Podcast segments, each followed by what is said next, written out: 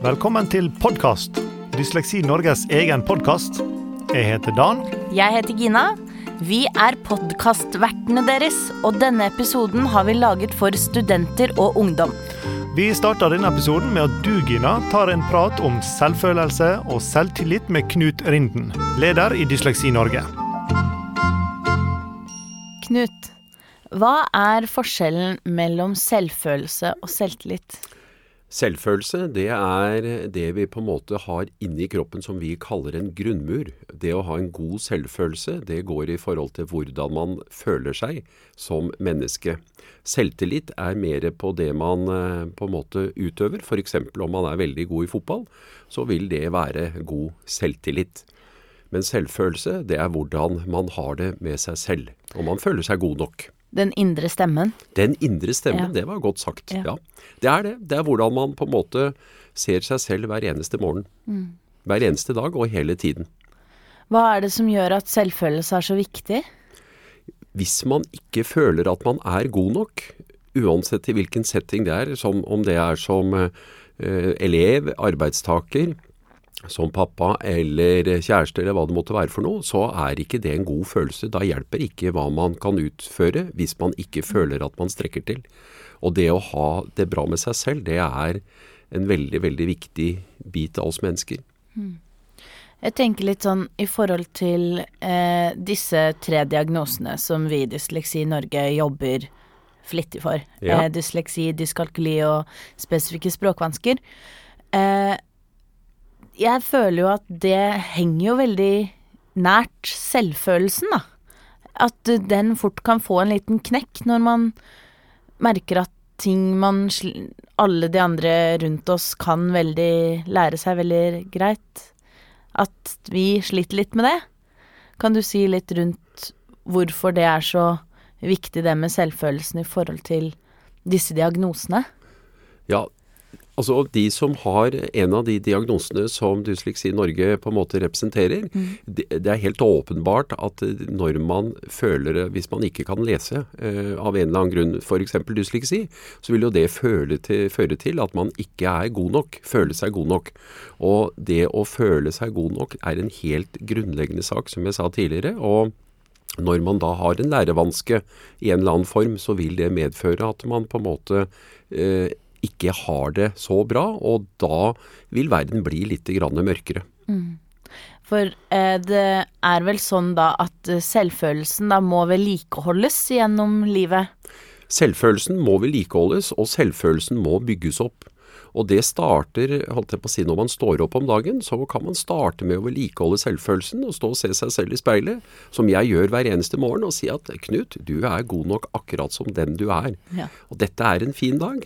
Og så må man si gode og positive ting til seg selv, og jobbe med å på en måte trene opp den biten. Og det er mange måter man kan gjøre det på, med enkle selvhjelpsøvelser. Jeg har lagt merke til med flere som har slitt med dysleksi, eh, spesielt da det er de jeg har hatt mest kontakt med, at de sier det at de har kommet på en måte over dysleksien som en diagnose. Altså de har lært seg å lese greit, de kan skrive ålreit, og de klarer å følge med på eh, alle disse mm, følgesvanskene. Mm. Men det som sitter igjen, er at de sliter med selvtillit og selvfølelse. Mm. At det er liksom en eh, lenger Altså forlenga versjon av dysleksien, da, hvis det går an å si. Helt, helt klart, og, og det, det, kan jeg skjønne veldig godt. For det at eh, når man føler at man ikke er god nok, Eh, og så er det mange kjennetegn og mange måter som gjør at selvfølelsen kan rives ned, for å bruke et sånt uttrykk. Mm. Og det at man har en lærevanske er åpenbart en av de som på en måte kan være med på å rive ned selvfølelsen. Og ofte så er det også sånn at de da som har litt lav selvfølelse, de kan eh, bruke noen, eh, noen, andre tiltak som kanskje ikke er så heldig, eh, og søke oppmerksomhet på en litt ikke så grei måte osv., mm. som på en måte gjør at man da skal kompensere. Ja. Og Derfor så er det viktig at man bygger selvfølelse på en god måte, og at man har et bevisst forhold til det. Ja. Har du noen konkrete eksempler på hvordan man kan forbedre selvfølelsen? En en par enkle ting som man kan starte med, det er at hver kveld før man skal legge seg, så kan man ta og skrive opp en takknemlighetsliste over f.eks. tre ting som man er veldig takknemlig for, som man har gjort den dagen. Om det er at man har klart å levere en skoleoppgave, eller at man har klart å utføre noe annet. Men å finne tre gode ting. Og også hver eneste dag si noe godt om seg selv. Og skrive det ned. Og kanskje også lage en affirmasjon. En affirmasjon det er en enkel setning som man på en måte kan bruke og programmere det vi kaller underbevisstheten. F.eks.: 'Jeg er god nok'. Og så mm. har man den f.eks. på mobiltelefonen sin og leser den hele tiden, så vil den dukke opp når man kanskje trenger det mest, og ikke egentlig tenker på at den ligger der, men da dukker den opp. Mm. Jeg har en liten morsom historie om akkurat dette med å Eh, som du sa i stad, med å se seg selv i speilet. For jeg skulle ha en eksamen i, i når jeg gikk i Kristiansand, og det har vært et uh, ganske heavy halvår.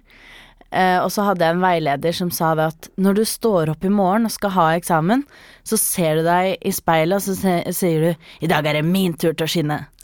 Så gjorde jeg det, og så da gikk jeg jo inn den, i den eksamen med en helt annen holdning til den dagen enn det ville jeg gjort hvis jeg hadde tenkt å nei, dette går ikke, og dette får jeg ikke til, og jeg er ikke god nok til dette her, og, og sånn. Er det noe du gjør? Du sa litt om det i stad. Ja, og, og, det tenker jeg det er en veldig god måte. Ofte så pleier jeg å si det at hver eneste morgen så velger vi hvilken side av en buss man setter seg på. Ja. På den ene siden så sitter man og titter utover en solfylt dag og alt ser bra ut. På den andre siden så ser man rett inn i mørket og de dystre fjellveggene. Mm. Og, og, det å sette seg på den venstre siden, og som du sa, i dag skal jeg skinne, det er en, en god, enkel metodikk som man da kan bruke. Men det er også mange som ikke kanskje det holder for, hvor man da må gå og jobbe litt mer grundigere i forhold til det. Mm. For kan man trene for å få bedre selvfølelse? Ja, mm. det kan man. Akkurat som Eh, de som er idrettsutøvere, de trener for å være, ha en god kondisjon og være gode i den idretten de driver. Så kan de også trene i forhold til dette med selvfølelsen. Og det er kanskje noe av det som er viktig at man setter fokus på. For vi vet at det er veldig, veldig mange barn, ungdommer og voksne som på en måte sliter med en lav selvfølelse. Mm. Så det å trene det på en god måte, det er hensiktsmessig. Og det vil gi føre til at man får en mye, mye bedre hverdag. Får mer balanse i kroppen og mer balanse i eh, hjernen, for å si det sånn, som gjør at man får det mye bedre med seg selv. Mm. Og hvis man da trener opp selvfølelsen og jobber konkret med det over en viss tid, kan det også da være med å påvirke selvtilliten? Helt klart. For det at du får det bedre med deg selv. Mm. Og, og, da vil du også, når du har det bedre med deg selv, så vil du være i mer balanse. Da vil du også få en bedre evne til å utføre alle normale eh, ting man skal gjøre. Om det er en skoleoppgave, om det er en arbeidsoppgave, eller om det er å klatre et fjell, eller hva det måtte mm. være. Nettopp fordi at man går inn i det med den lyse siden da på bussen som du snakket om i stad. Helt riktig. Ja. Og, og, det er viktig at man, man, på en måte føler at man er god nok. For det er veldig mange som går rundt når man spør 'jeg har det bra', eller får spørsmål 'jo, jeg har det bra, jeg', og så har man det egentlig ikke bra inni seg. Mm. Og det er jo den følelsen inni seg som på en måte er det viktig. Ja. Eh, vi sier ofte at 'jeg skal føle meg god nok'. Mm. Så det er sånn eh, og eh, du er god nok, og du Når du føler deg bra nok, så yter du mer. Eller du yter bedre. Og det går jo også igjen over på motivasjon. Mm. At du får lyst til å jobbe. Mm. Um, det er jo veldig mange i denne type organisasjonen, eller de som er med, medlem i organisasjonen, som kanskje sliter litt med motivasjonen. Mm eh, fordi at de har jobba så intenst og over mange år, og de har kanskje ikke fått noen gode resultater ut ifra arbeidsmengden de har jobba. Har du noen tips eller noen gode råd til de om hvordan de kan bygge opp en motivasjon og styrke både selvtillit og selvfølelse, egentlig? Ja.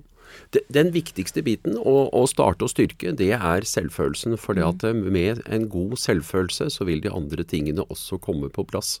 Og hvis man ikke har en god selvfølelse, så blir det hvis man har en elbil og skal kjøre herfra til Trondheim, og man har strøm bare til eh, Hamar, mm. så kommer man ikke fram. Nei. Det er viktig at man da får ladet opp batteriene, mm. som gjør at man kommer helt frem. Og med en god selvfølelse så vil du på en måte ha kroppen som er topptrimmet, og være klar for å takle det som er. Og da kan du løse alle oppgavene. Mm. Men det går i forhold til at man må føle seg god nok. For Hvis man ikke føler seg god nok, så blir man demotivert.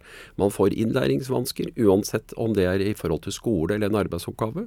Og man kan lettere på en måte bli utbrent eller møte veggen, som er også et ofte populært uttrykk å mm. bruke. Fordi det er jo også Det har noe med kanskje å unne seg selv ting, da. Fordi jeg merker selv òg at man kan få et litt sånn hat til seg selv. At man blir litt sånn Du har jo aldri fått til noe uansett, så hvorfor skal du få til det her? At disse tankene kommer, da. Men å få snudd det ved hjelp av dette du sier med å øke selvtilliten og selvbildet og selvfølelsen, men det her med å unne seg selv og ikke være så hard mot seg selv, mm. kan du si litt om hva det vil gi? Ja. For, for at vi, Hvis vi går litt dypere inn i det, så er det klart at det er mange tanker, og, eh, både tanker og følelser, som kan påvirke selvfølelsen i negativ retning. Mm. Og de må man lære seg å håndtere. Eh, at man greier å håndtere de dårlige tankene, de negative tankene, og få de bort. Vi mennesker vi tenker en 60 000-70 000 tanker hver dag. 80% av dem, dvs. Si 8 av 10 tanker, er repetere, og de fleste av dem er bekymringer mm. og problemer som aldri oppstår. Men allikevel så går vi og tenker på dem. Ja. Disse tankene må vi lære oss ø, å på en måte håndtere, som gjør at vi får ledig kapasitet til å ta tak i det gode. Og tar vi tak i det gode og fokuserer på det, så vil man på en måte bygge opp selvfølelsen. Og det er, det, det er litt mer teknikk som skal til, det og det finnes mange forskjellige teknikker. Men det er jo dette som jeg da jobber mye med barn og ungdom, mm. spesielt i forhold til å lære det de teknikkene. Vil du komme med noe eksempel på f.eks. to teknikker, eller én? Ja, altså en, en, en, sånn tanketeknikk, å ta tak i en sånn tanke, det er en litt lengre øvelse. altså Det tar ikke så veldig lang tid, men jeg vet ikke om vi greier å få formidlet det. Men det går tak på at man skal ta tak i den første negative tanken som kommer inn i, inn i hodet, eller som, som treffer en. Mm. Og så skal man ta tak i den og rett og slett sende den av gårde. Og så skal man ta tak i en god tanke og på en måte forankre den og spre den i kroppen. Og det kreves, kreves, en liten øvelse og litt grann trening, og at man må være til stede for at det skal bli en bra øh, opplevelse og et bra utfall. Da. Men det er ikke noe veldig hokus pokus, men det krever at man liksom er til stede der og da. Ja. Det er jo et veldig godt tips som man egentlig kan gjøre overalt. Ja. Altså når, når tankene inntreffer, så er det å ta opp den, det verktøyet, da. Ja det, det, det, og det er jeg helt enig i, Gina. Og det som er viktig i forhold til det, er jo det at når man først har lært øvelsen, men det er det som er viktig, eller verktøyet, når man da først ser at verktøyet virker, mm. og da trenger man litt tid akkurat den første gangen bare mm. for å se at jo, dette, dette hjelper meg, så, så, kan man bruke den eh, si, hvor som helst og når mm. som helst. Men det er akkurat den første gangen, for at vi mennesker er noen ganger litt sånn kritiske.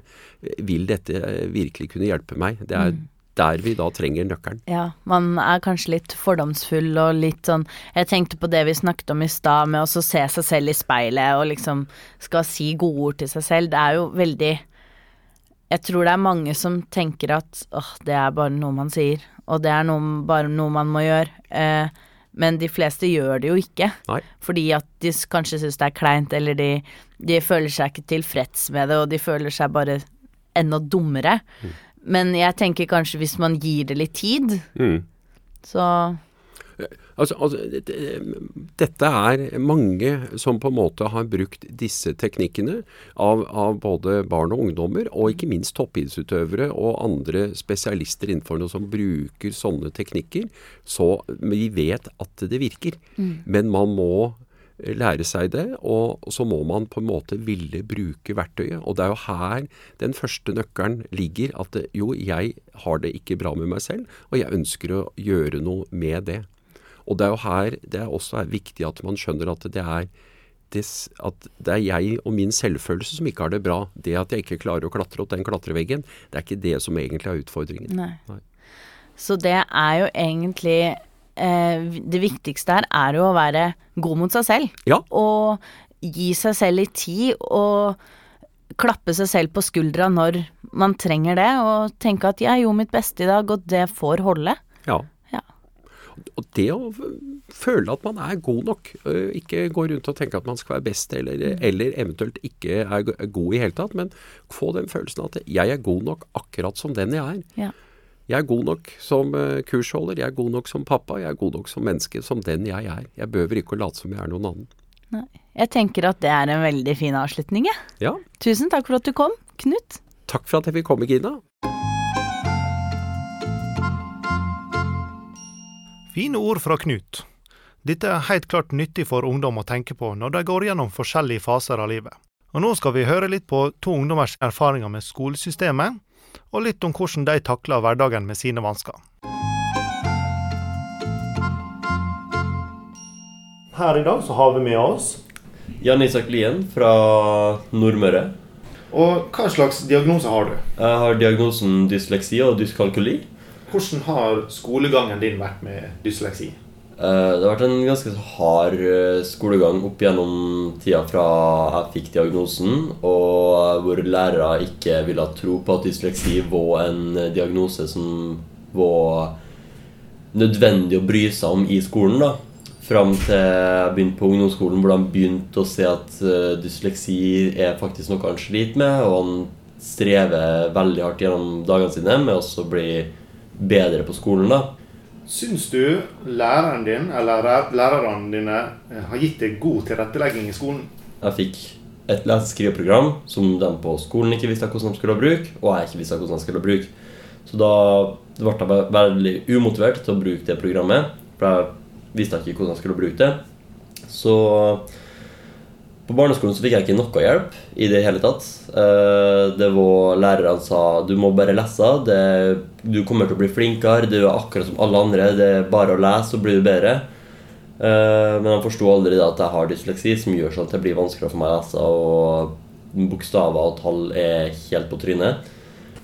Hva, hva, kan du fortelle noe om hva de har gjort som du syns har vært riktig? Når jeg kom på videregående, så Første dagen på videregående faktisk, så kom kontaktlæreren min bort til meg og sa jeg har akkurat lest igjen papirene dine, og det, jeg ser at du har dysleksi. Uh, og så første hun spør om, da er er det noe vi her på skolen kan gjøre for å hjelpe deg. Så da var han rett på først, allerede første dagen med å finne en løsning på hva vi kan gjøre for å gjøre sånn at jeg får en bedre opp, eh, oppfølging på skolen. da. Og etter jeg begynte på videregående, så har jeg økt karakterene mine fra toere og tre minus til fire-fem i alle fag. Så det gikk fra et eh, styr og ingen hjelp i det hele tatt, til at jeg har masse hjelp hver dag, hele dagen på skolen. Men hva har vært viktig for det når du har takla vanskene dine både på skolen og i hverdagen? Eh, Det at jeg har eh, venner rundt meg som ser på meg som en person uten diagnosen, da. Og at de ikke bryr seg om diagnosen min med at jeg sliter med å lese og skrive og uh, regne ut mattestykker og de, de ser bort, helt bort ifra diagnosen min og ser på meg som en helt vanlig person som ikke har noe diagnose eller ikke er noe spesiell, men jeg er som alle andre. Og jeg er Da klarer jeg å være meg sjøl, og de respekterer meg uansett hva jeg gjør. Hvem er det som sitter ved siden av meg nå? Eh, Jeg heter Solveig Joranger Kirkeide. Mm. Hvor kommer du fra? Jeg er fra Jølster. Det er en liten plass i Sunnfjord. Altså midt i Sogn og Fjordane. Hva slags diagnose har du? Eh, Jeg har dysleksi. Så hvordan har skolegangen din vært med dysleksi? Den har vært litt spesiell. Ehm, Jeg har en far som er PPT-er, og en mor som er helsesøster. Så de begge to visste godt hva dette var. Eh, Og eh, første til fjerde læreren min, hun er òg en familievenninne. Sånn at eh, alt lå jo veldig bra til for at dette skulle gå bra. Jeg fikk diagnosen i andre klasse, og Men det var òg noen som ikke trodde på det, fordi at jeg kunne lese før jeg begynte på skolen. Pga. at søstera mi lærte meg det. Ja. Sånn at eh, det var liksom ikke alle som ville tro på det, men det ble jo ganske tydelig når jeg ble eldre. Og eh, jo eldre jeg ble, jo vanskeligere ble det. Syns du eh, læreren din har gitt deg god tilrettelegging i skolen? Jeg var ute i gruppe, og jeg fikk eh, det. Det gjorde jeg. Men eh, jeg fikk ikke tilpassinga som jeg trengte. Jeg hadde nesten aldri samme assistent i mer enn et halvt år. Hvis jeg hadde noen i et halvt år, så var det uvanlig lenge. Når du har takla vanskene dine i hverdagen, har du noen spesielle strategier? Har du noen hjelpemidler som du fortsatt bruker i hverdagen? Jeg går jo fortsatt på skole. Mm. Eh, og en av de tingene som jeg fant ut at jeg hadde rett til, var pensum på nett. Eller brettbøker, da. Og det er noe som jeg har brukt veldig masse. Mm. Og jeg bruker det så masse. Både når jeg jobber med skole og til andre ting, sånn som er det ei kokebok jeg finner som jeg har lyst til å ha, så kjøper jeg den på brettbok istedenfor å ha den i bokhylla, fordi at det er mye lettere å se hva det er. Og du kan skrive notater, og du forstår notatene dine. Eh, som er veldig gøy av og til. Å forstå hva det er du har tenkt å skrive når du skriver mm. noen ord. Og på den måten så bruker jeg egentlig bare lærestrategier som jeg har opparbeida meg gjennom åra. Dette var veldig interessant å høre på, Dan. Men vi har jo også enda en liten godbit. Vi har intervjuet ungdom som snakker om hvordan det er å være på sommerleiren til Dysleksi Ungdom. La oss høre på det. Ja, da har vi et knippe av uh, siste gjenværende ungdommene her på, um, på sommerleiren. Uh, og vi er faktisk på Gardermoen nå, og vi kan jo få høre litt. Hva er det hva folk syns om uh, sommerleiren? Det har vært en fantastisk tur å, å møte på samme gamle folk som jeg har vært kjent med nå i flere ganger, og jeg blir kjent med mange nye. Ja, kjempefint. Og du da, Preben, som uh, for første gang har vært med på dette her. Hva er Frister det å komme tilbake? Uh, Frister å komme tilbake, det kan jeg garantere det gjør. Og det er en helt sinnssyk opplevelse å være med på det. Og det er ubeskrivelig. Altså. Du blir kjent med folk som har da hatt akkurat samme problem. Og blitt, altså, det har skjedd så mye rart i livet på dem som har vært med der og kanskje hatt småproblemer i livet. liksom. Mm. Og liksom få snakka med dem og få de gode historiene ut, det Du får ikke ord på hvor fantastisk det er å få snakke med dem som har de problemene. Det er mm. helt fantastisk. Mm. Sunniva, du som er med i styret til Dysleksi Ungdom. Kan du si noe om hva som er målet med denne leiren her? Eh, det er litt det at eh, ungdommer skal komme en plass der det er andre som har vært i samme situasjon. Og det å se at eh, verden den går videre selv om tida er tøff. Og det å snakke med noen som kanskje har opplevd samme historie og føler seg litt mindre alene.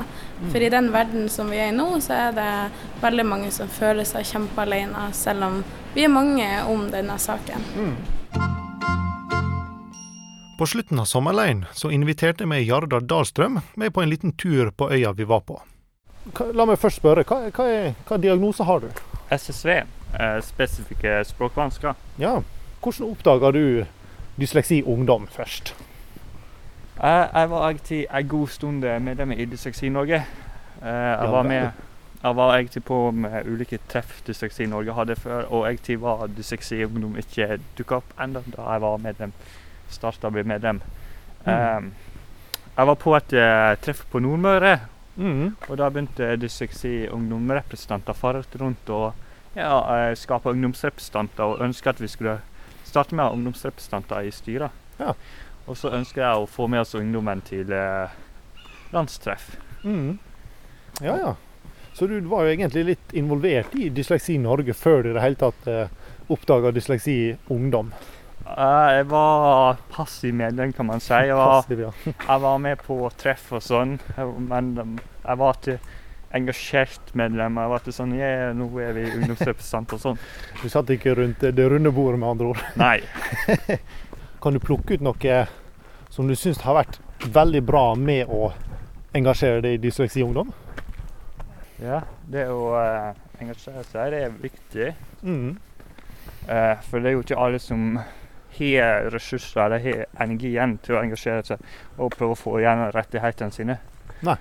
Uh, det vi tenker er av og til på at vi her vi, vi som er her, av og til ofte er litt mer ressurssterke, vil jeg si. Mm -hmm. Vi som greier å ta tak og Mm. jobbe for andre. Ja. Mm. Og så gjør vi, vi gjør jo en viktig jobb også. Ja. Vi gjør jo faktisk en liten forskjell for, eller kanskje en stor forskjell også, for uh, andre ungdommer som har uh, dysleksi eller dyskalkuli eller spesifikke språkvansker. Så, men, uh, men, litt tilbake til leiren, da.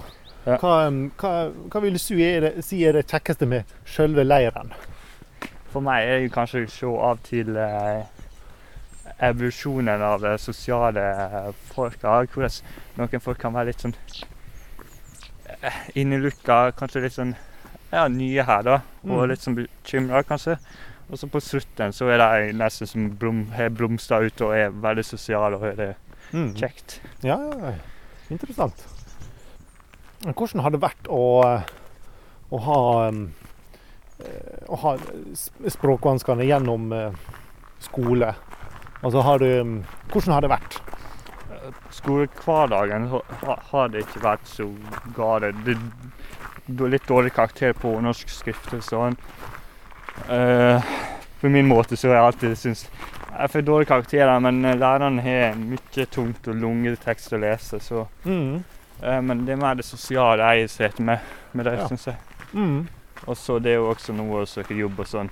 For å, å ha sosial Eller ha en eh, funksjonshemming er tungt i en hverdag som begynte å bli mer på språk og språk og språket. Fokus Mm. på det. Kommunikasjon. Mm.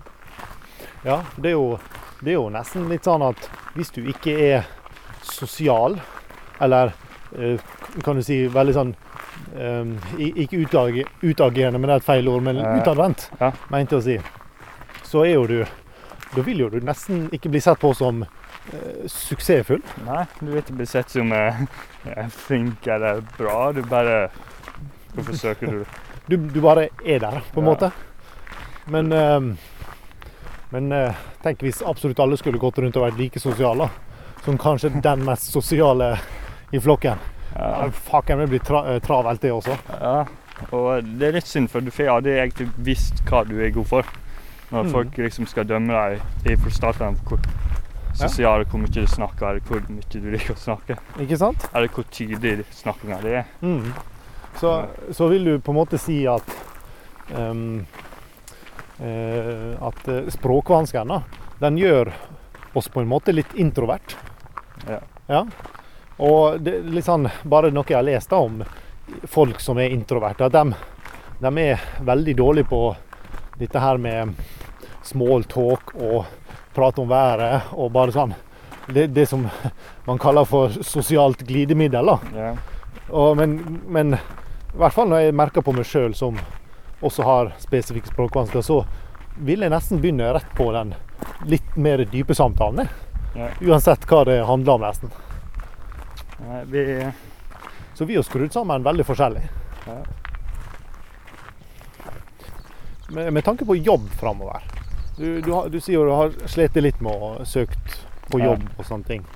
Eh, Kan du, kan, kan du fortelle litt om hvordan, hva det er som er vanskelig når du er på et jobbintervju? Jeg er veldig vanskelig å selge meg sjøl. Veldig vanskelig å Selge meg sjøl. Um, selge ideen at jeg er en god arbeider og sånn. selge det sjøl, ja. Ja, ja. Jeg, Mm. jeg liker ikke helt å skryte så mye. Jeg liker at andre skryter for meg. For jeg syns det er for enn å snakke om seg sjøl. Ja. Det kan bli litt kleint. da. Ja. Jeg er litt sånn prinsipiell for også litt å ikke skryte så mye. Så, men, men hvis du da får en jobb på ja, hvordan du måtte jobbe, så er det noe tilrettelegging som, eh, som du tenker folk kan eh, være obs på? Eller gjør for det, for å gjøre en jobbdag enklere? Eh, For det meste er det, å kunne stoppe av til å lytte litt, istedenfor å at at du må alltid forstå med en gang. Mm. Av og til må du konsentrere deg med å forstå. Mm. Og hvis du, eh, hvis du alltid bare kutter vekk det du må konsentrere deg for å forstå Det er liksom det vanligvis vanlige folk gjør. Mm. Mm. Vi blir jo nødt til å konsentrere oss om å forstå i hele tida. Ja. Så det er jo den tilretteleggingen. Forstå oss. Forstå oss, ja. ja. Det, det, jo, det er jo veldig viktig, selv om jeg med min språkvanske Mm. så, Og jeg har jo jobba nå i seks år på en bedrift. Og eh, altså, dem, dem jeg, har jo, jeg har jo vært åpen om det helt fra starten av. Ja.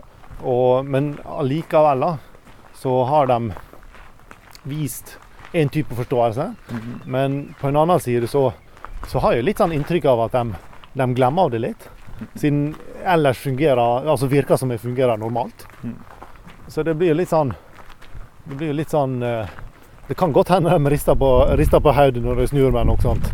Av eh, noe som var eh, Noe som språkvansken hadde skylda for, da. I gåseøyne. Så um, så det, det er jo vanskelig for dem også, da, egentlig. Ja. Det er vel, eh, det er vel litt sånn verden er også. Den er til tider ganske urettferdig. Og som du sa en gang, vi, vi kan ikke bare vi, vi kan ikke kreve at samfunnet skal tilpasse oss individuelt.